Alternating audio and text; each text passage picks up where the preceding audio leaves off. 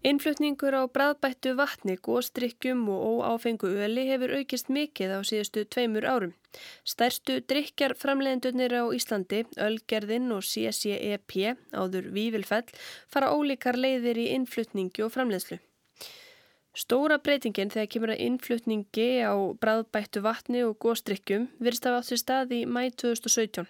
Fyrstu fjóra mánuði ásins 2017 voru að meðaltali fluttin 500.000 kíló af góðstrykkjum, kólsýrðu vatni, bræðbættu vatni og óafengu öli.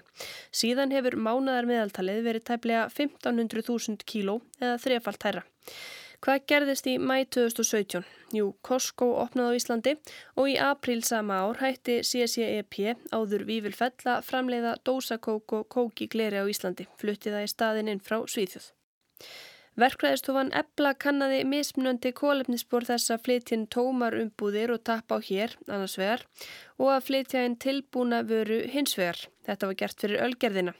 Fjalla var um könnunina í spekli gerdagsins. Í ljós koma kólefnisborslega séð borgaði það sig alltaf að flytja tómarumbúðir og tappa á hér. En borgar það sig fyrir fólk og fyrirtæki. Speillin rætti við fórsvarsmenn tvekja fyrirtækja sem bæði tappa á og flytja inn þó í mismiklu mæli. Andri Þór Guðmundsson, forstjóri Ölgerðarinnar, segist hafa orðið var við aukinn innflutning á erlendum góðstrykkjum. Þessi orðið erfiðar að koma innlendum nýjungum að í hillum verslana og hann er ekki hrifin af stórfældum innflutningi út frá þessum umhverfisjónamöðum og, og, út frá því að við getum og höfum alla börði til þess að framlega þess að drikja hérna innanlands þá finnst mér þetta persónulega gali Flytið þið eitthvað inn uh, tilbúið til neyslu? Já, já, við flytjum inn vörur eins og Red Bull um, en að öðru leiti erum við að mestu leiti í framlegslu Hvað kemur þið vekk fyrir það að þið bara flytið inn Red Bull þykni og bruggið þetta hér? Já, það er nú bara vegna þess að Red Bull er bara framleitt á einu staði heiminum og það er í Östuríki. Þannig að það er bara þeirra pólisi að við höfum alveg reynd og, hérna, og höldum áfram að reyna. Að það væri alveg mögulegt að hérna, framleiða þetta hér, tappa á hér? Já, já teknilega er, er ekkert af anbúnaði sko, en, en kostnaður auðvitað per dós er það alltaf miklu harri. Þú getur rétt ímyndaði með þeir framleiða biljónir af dósum sko og ná alveg gríðalegu kostnæðarhækvami. Þannig að auðvitað verður það miklu dýrar að gera það hérna. Við munum aldrei geta keft við framlegslu í, í stórum og, og þróðum ríkjum eh, vegna smæðar okkar, eh, vegna háslaunakostnæðar og vegna vakstastegs. Það er alveg augljóst að við getum ekki keft við Pepsi Max sem er framlegt til dæmis í Brellandi versus sem er framlegt hérna hjá okkur eða jafnvel einflutt, einflutt stillvatni í, í plastlöskum framleitt í bandarækjunum. Ég, til dæmis þegar ég fyrir Vestlandur í bandarækjunum, þá sé ég stundum um, til sölu um, í, við getum sagt, afsláttu Vestlunum, þá sé ég bara útsöluverði hjá þeim að, að, að það nær sko varla kostnæðverðinni hjá mér og þá er ég að tala um breytilega kostnæðan og þá er launakostnæðan eftir og flutningskostnæðar. Eru þið ekki bara í raunin að tapa í þessari samkjöfni? Er ekki þið getið ekki bóðið sama verð er það? Jú, ég held að við séum bara, við erum bara sanginni sæfir en við getum þá rekna með því kannski okkar, okkar hagnaði sem minni. Ég held að landsmenn og bara almennt þá munir fólk hugsa meira um umhverjus áhrifin að sinni neyslu heldur en áður og þá mun íslensku reyðnaður á endanum verða ofan á. Þannig að fólk uh, leggir þetta mikla áherslu á, á uh, umhverjus áhrifin. Þú telur að þau, þau vegi þetta þungt hjá fólki? Við hefum ekki þetta þungt hjá fólk í dag en ég held að e, inn í framtíðina að þá þegar að umhverfis bókald er, er komið í fulla virkni og, og aðhald frá neytendum og vonandi upplýsingar í vestlunum um kólefnis fótspor á hverju vöru að þá munir neytandin taka upplýstar ákvarðan og vera tilbúin til þess að borga jafnvel aðeins herraverð fyrir e, lokal framleita vöru heldur en innfluta. Stefán Magnússon, sölu og markastjóri hjá CCEP segir litlar umbúðir í sókn um þriðjungur alls kóks sé nú seldur í gleri eða dós. Í stað þess að fjárfesta í nýjum vélum hér hafi fyrirtækið sér tækjafæri því að flytja framleysluna á þessum drikkjum til samstarfsaðilans í Svíþjóð. Sjálf sér eru við að nýta fyrirleikandi tækjakost og fyrirleikandi framleyslu línur og hafa verið að framlega meira magn þar og starri framleyslu lótur þannig að það er eitthvað hafkvæmara en, en á mótu kemur að flutningskostnaði til Íslands í talsveit hár. Og það að framlega Íslandi býður på miklu meiri söguleika uh, styrtir tími til að bregðast eftir spurn og, og svolítið þannig að báðarlegir hafa kost og galla. Og það er náttúrulega alltaf eitthvað gengis á þetta í að kaupa vöru öllendis frá. En að móti kemur þá er innlænta framleyslan hún fylgir innlæntu kostnæðabreytingum þannig að má eiginlega segja að þetta sé mjög svipað til lengri tíma litið. Voruð þið eitthvað að velta fyrir ykkur kólefnisspori fluttingana þegar þið tókuð ákverðinum að byrja að flytja inn eh, átappa gós í meiri mæli? Já, við gerum það og, hérna, þetta er einn af þessum mælikvörðum sem við fylgjumst mjög náðum með. Og við, við höfum í raun og veru sem fyrirtæki sett okkur markmið í svona sjálfbætumálum, við erum með 21 mælalegt markmið til ásins 2025 og við erum með það markmið að minka losun gróðursaloftegunda 50% fyrir árið 25. Kemur þetta þá ekki svolítið í bakið á okkur þessir flytningar á fullum umbúðum? Jú, en, en á mótu kemur að við erum með mikið aðgerði til að minka okkar losun. Við erum til dæmis eh, byrjuð á því og gerum það á síðast ára að nota endurunni plast í plastlöskurnar. Það er svo kallar RPET, þannig að 25% af plast í öllum minni umbúðum er, er endurunnið Svo hefur við verið að skipta út svona plastfilmum uh, á ytri umbúðum í dósum og gósi og bjór fyrir pappaumbúður. Við hefum verið að leta plastflöskunar. Stefán segir það að flytja dósir og glærflöskur átappaðar til landsins ekki hafa veitt sveirum til að lækka verð vegna flutningskostnæðarins. Fyrirtæki tappar áfram kóki á plastflöskur hér. Stefán segir ekki borga sig að gera það ytra. Þrátt fyrir sænska kókið sé CCEP þó fyrst og fremst framlegslu fyrirtæki.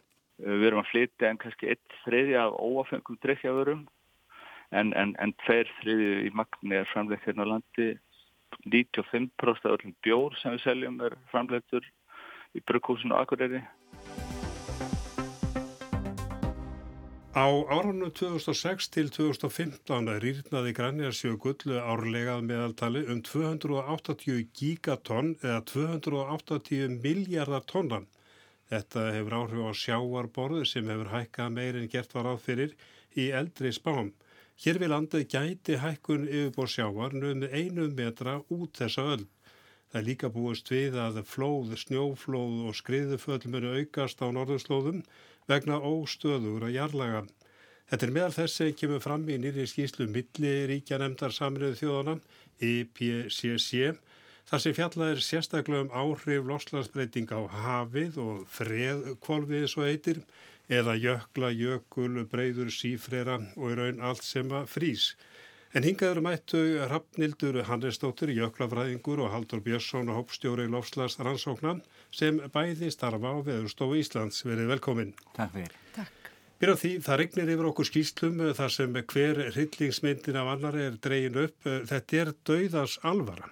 Já, þetta er vissulega dauðans alvara þó auðvitað sé mikilvægt að gera ekki, týna sér ekki einhvernum hryllingi en það er augljósmál að það þarf að bregðast við og bæði með því að bæta eða draga úr þeim því tjóni sem þetta getur valdið og svo líka með því einfallega að draga úr losun sem er náttúrulega það sem kannski skiptir mestu máli fyrir framtíðina. En framtíður þetta er í raun og veru bæna kallum að það verði gert meira en þegar hefur verið ákveðið um mingun uh, losunar og gróður og svo lóttegundurum. Það þarf að gera meira. Já, vissulega og hérna eins og hefur komið fram í þessum skýslum og hérna hefur verið rætt um að þá er hérna þó við myndum draga verulega úr losun núna þá er þetta treyða í kerfinu þannig að þetta myndi taka ára ára tugi að hérna snúa þessu við. En er líklegt að það verði gert meira? Menn segja að það þarf að gera meira en finnst ykkur líklegt að það verði gert meira? Já, ég held að það sé nokkuð augljóst afleðingar loftasbreytinga sem eru taldar upp hérna og megnuð þeim afleðingar sem hann hafa talið upp hinga til hafa gengið eftir á svo miklu leiti sem að það er byrjaðrætast og það er nokkuð ljóst að, að þegar að alvarleiki málsins blasir öllum við þá munum mann gera það sem þarf, ég held að það sé annað er óhjókamilegt. En alvarleikin virðist vera að koma meira og meira í ljós. Þetta er já, einn skísla mörgum og það er ekki löst við það að mann verði dálítið ílt við að lesa þetta því það er að er að gerast og mun gerast ímislegt á mörgum vikstöðum. Í skýstunni er sjónuna beintað áhrifum loslasbreyting á höfin og norður heimskauðsvæði. Það er eitthvað ekki bara að vera að tala um það en uh, það verður að tala um uh, jökla og sífrera og, og síður heimskauðið en hlínun á norðurskauðsvæðinu hefur verið tvöfald hraðari en meðatali á jörðinni á síðustu tveimur áratugum. Já, hvaða áhrif mun þetta hafa? Það hefur náttúrulega mjög sínilega áhrif á hérna, freðkvolvið og, og jöklar út um allan heim eru að minga og hörfa. Sjónum er auðvitað mest beint að þessum stóri jöklum Grænlandsjökuls og jöklum á Suðskoslandinu en eins og kemur fram hérna að þá er hins vegar mingun jökla á öðrum svæðum jarðar er álíka við það að hækkun í heimsöfunum vegna bráðun og jökla annar staðar er álíka á það sem Grænlandsjökull er að, að tapa. En þetta mun hafa þú áhrif því að við erum að tala um freð kvolvið, það er mjög mm. vítt hugdag, reyndar nýtt fyrir mér en það verður að vara við auknum flóðum í ám, snjóflóðum, skriðuföllum vegna óstöður og jarlaga. Já, hvernig kemur þetta fram? Sko, þarna tengist þessu að menn er að kortleggja hvaða áhrif þetta verður. Hérna, hvernig kemur þetta fram? Við höfum séð skriðuföll hér sem eru vegna þess að það er að þýðina hérna, líklegast vegna þess að það er að þýðina ís í fjöllum og við höfum séð líka hlýðar sem eru óstöður þar jöklar hópa. Þetta er allt hluti sem við höfum séð rétta leiðin til að glýma við svona er aðlöðun. Það er að segja við reynum að kortleggja hvar er áhættan mest og svo skipaleggjum okkur í samræmi við það. Og þessi skýsla leggur mjög mikla áherslu á einmitt að þetta sé ekkit tapað spil en það þurfi að nálgast aðlögun og viðbröð af skipulegum, af skipulegum hætti. Og bara einfalt dæma fyrir þarna er talað mikið um hafið þá kemur fram að það þarf að beita mjög miklum aga í fiskveðistjórnun vegna þess álags sem að vistkæru hafsins muni verða fyrir. Hérlandi þýðir það einfallega það að við getum ekkert slakað á þeim aga sem við höfum verið að beita hinga til. En ef ég vitna bara í skýstunum, ég ætla ekki að draga úr því að það verði dreyið meir úr losun, að þá segir orðið verði stórlega dreyið úr losunni á komandi áratugum, líklegt að það hægi að hægja takja á rýrnun sífrera og snjóhölu þegar að fram í sækir en hörfur margar jökla og ísberein á Grænlandi og Suðurskauðslandinu mun halda áfram út öldina. Þannig að sama hvað við gerum heldur þetta áfram. Já, það er lengu þekkt að það eru fjög, hérna, það er raun og verið þrýr kostir sko. Við getum dreyðulosun, við getum aðlagast eða við getum þjáðst og það er raundar lengu liðins á tíma við getum valað okkur algjörlega frá þeim öllum en auðvitað viljum við reyna vel ykkur frá þjáninga eins mikið og hægt er og það gerum við þá með því að draga eins skart úr losun að við getum og aðlaða okkur síðan fyrir hinnu. Við skulum aðeins líta á hafið, þessi skýsla fjallar um uh, áhrif loslasbending á hafið og uh, jöklanu eða freð kvolvið og þetta hákir allt saman. Uh, það mun gerast mikið, sjáaröðuborð mun hækka rafnildur og það er náttúrulega í beinu samengi við uh, bránun og rýrnun jökla bæða á norðurskautinu og suðurskautinu. Já. Svona lístu þess að þér? Sko það sem að menn hafa náttúrulega talsverð ágjur af er, er hérna hvað er að gerast á Suðurskjöldslandinu og þar hérna er vestur Antartíka um, er, er stórt, hérna, stór íströmi sem er kelfur út í sjó og, um, og þar er standa menn fyrir áskorunum í að reyna að meta það hvort að mun verða einhver óða hörfun vegna óstöðuleikarna í, í þessari í öklum sem gengur hann út í sjó. Og bara ef að þessi þessi jökull mun allur brotna upp og, og hérna brána þá mun hann bæta við þremi metrum í hérna nattrenna sjáastöðu Við höfum kannski fór lítið talað um söður heimskautið að minna tala um það við erum einblín alltaf á róðurskautið en það er líka samsvarandi hlutar að gerast þar Já, og sko það sem skiptir máli var hendur sjáastöðu breytingar og Vístarlendur loftasbreytingar gaf út skýslu síðasta, á, síðasta árið sem farið yfir þetta. Uh, sjáastöðu hækkun sem kemur frá Söðskjöldslandin, Ísbránun þar, hún skila sér ómengu til okkar, menn Ísbránun á Grænlandi gerir það ekki út af hérna, atriðin sem að ég ætla ekki að reyna að reyka hér, tengis breytingum á, á, á þingdarsviði. Þess vegna er breytingar eins og, og Ramldur er að lýsa á Íströmmum þar mjög alvarlega fyrir okkur þrín metrar sem myndi kannski gerast á, á 300 árum eða, eða, eða lengri tíma það myndi samt sem áður hækka sjáastöðu hér um það um sama sömu tölu og það er auðvitað eitthvað sem við þurfum að afgjöra af og meðal niðurstaða þessara skýslu er svo að sem að vístanemndur óttbreytinga gaf út í fyrra það þarf að huga miklu meira að óvissunni í því mati sem við vorum með af því að aukjum bránun á Suðsvöldslandinu mun skila sér hér í hækkun og engu öðru. En ef við lítum að þess á já, bara visskerfin og búsetu að þær breytingar sem verða óumflíjanlega munu hafa áhrif á já, visskerfi og, og, og búsetu. Lýsið þessu nána, hvað, hvað er verið að tala um þar? Er verið að tala um að, að, að, að búseta vegna flóða eh, og hvað, hvað er verið að tala um?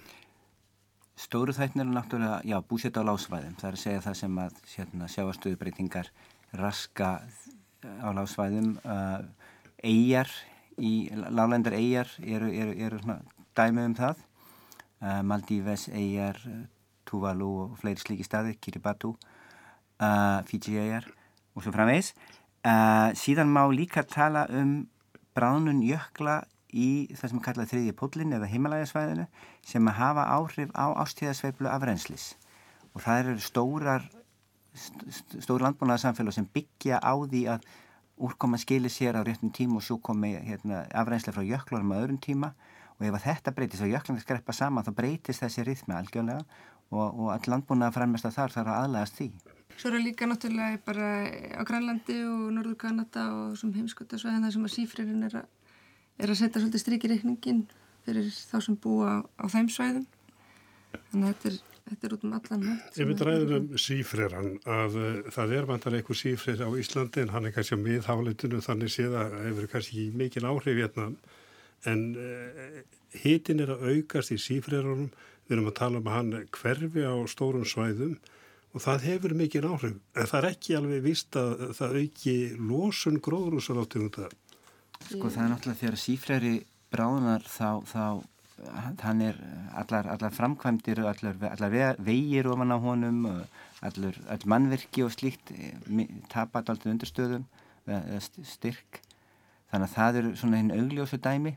Svo er það þessi losun frá bránandi sífræri sem er áhugjefn þar að segja það er metanlosunin frá honum sem menn hafa þó nokkuð fjallað um. Niðurstöður þar eru misvísandi reyndar hversu mikið er að losna vegna metanbránunar í sífræra en það er alveg augljósmál að það er heilmikið forði sem getur tapast við það. Við verðum að fara að ljóka svo að eh, já, mikil hryllingsmynd sem er dregin upp en uh, ég spyr ykkur, uh, er ykkur glæta, er ljós framöndan? Sko í þessum skjölum öllum þá er þó að þetta sé oft teiknað upp sem mjög neikvægt þá er líka eitt helmingu skíslunar er um lausnir og aðferði til að bregðast við það er hvernig þarf að aðlagast hvað hægt er að gera til þess og svo eru náttúrulega aðra skýslur um það hvernig hægt er að draga úr losun. Þannig að þetta er ekki allt eitt svartnætti. Við getum kannski litið á svona það sem við höfum talað um sem versturlutin sem geta gerst sem eitthvað sem að mun ekki þurfa að gerast af því við getum gripið til aðgera til þess að komið vekkverða það gerist ekki. Þannig að því leiti er þetta alls ekki svo neikvægt það eru leiðir til að draga úr losun. Framlýtur, þú ert eh, spesialisti í jöklum og heitastíginu. Mér finnst þér lesið að, að þó að eh, við náum því að halda okkur í einnir og halvu gráður, gráður að þá er samt, eh, samt sem áður mikla breytingar framöndan. Já, það er það og jöklarnir eru náttúrulega viðkvæmir og, og breyðast hratt við hérna, þessum breytingum sem eru í heitastígi og, og, hérna, og úrkominu. Úrkoma breytist náttúrulega meir í rikningu heldur en snjó ef að, ef að heitin hækkar.